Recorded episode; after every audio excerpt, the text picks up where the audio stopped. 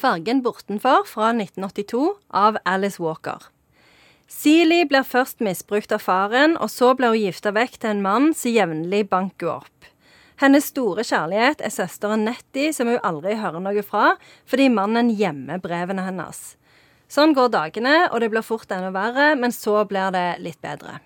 Ja, det var godt. Ja, herlighet. Åh, det her er sånn en bok så, Å nei, ikke en sånn en bok nå, som er så nitrist. Og når du tror at det ikke kan bli mer trist, så blir det enda tristere. Ja, og det som, er, det som også er greia i denne boka, det er jo at det, det er ikke bare trist for Silje, altså, for det bare, jeg måtte jo fokusere på et eller annet, men det er jo trist for alle. Alle har det jo helt forferdelig. For det er jo i Georgia på 30-tallet, og svarte kvinner står absolutt nederst på rangstigen. De har ingen rettigheter, de får ingen respekt, de har ingen muligheter i det hele tatt. Eh, Så det handler jo først og fremst om eh, vennskapet da, mellom kvinner, og hvordan på en måte eh, de klarer å hjelpe hverandre midt oppi dette helvete som de lever i. Eh, Og det er jo kanskje mange som har sett filmen òg, med Whoopi Goldberg og Oprah Winfrey fra 80-tallet. Så den eh, gjorde veldig sterkt inntrykk på meg når jeg så den. Du heter den purpurfargen. Mm, Stemmer. Okay. mm. Det er purpurfargen.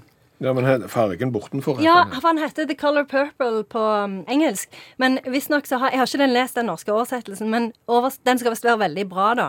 Eh, og så har, har oversetteren valgt fargen bortenfor istedenfor purpurfargen. Og i tillegg så har eh, eh, oversetteren visstnok òg eh, gjort om liksom sørstatssosialekten til Senja-dialekt. Eh, som visstnok skal fungere veldig bra, men som jeg har vanskelig med å forstå hvordan egentlig fungerer, da. Spesielt.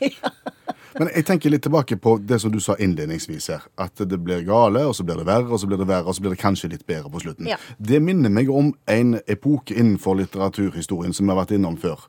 Realismen eller naturalismen. For da var det jo sånn. Helt riktig. Men dette er seinere. Ja, dette er seinere, for denne kom jo så seint som i 1982. Så jeg vet ikke om jeg nesten kan snakke om en sånn en naturalisme del to, på en måte, for akkurat denne gruppa, da. Det er hellemyrsfolket i USA. Ja, faktisk. Uh. Men tid er det det går bedre igjen, og hva er det som gjør at det går bedre? Nei, det. Grunnen til at det går bedre, er jo at disse svarte kvinnene faktisk stiller opp for hverandre og hjelper hverandre. Så på slutten, så hvis, hvis noen skal lese den, så må jeg si for at jeg kommer til å spoile slutten, men da blir hun gjenforent med søstera og faktisk de to ungene som hun har fått med faren, da, som han bortadopterte. Og så viste det seg at han ikke var den biologiske faren hennes, han var stefaren, da.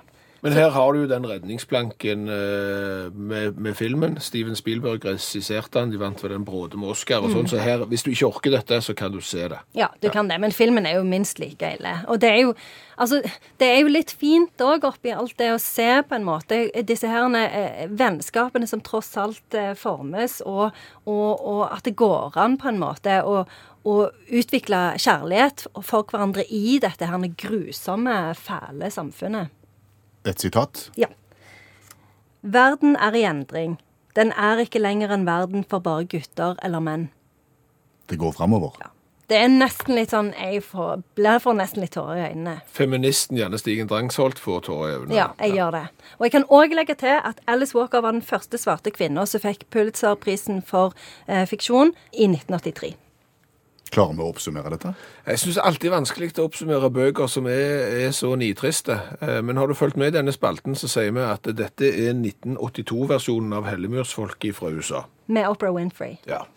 Og det er en bok du bør lese. Ja, absolutt. Takk, Janne Stigen Drangsvold, forfatter og litteraturviter.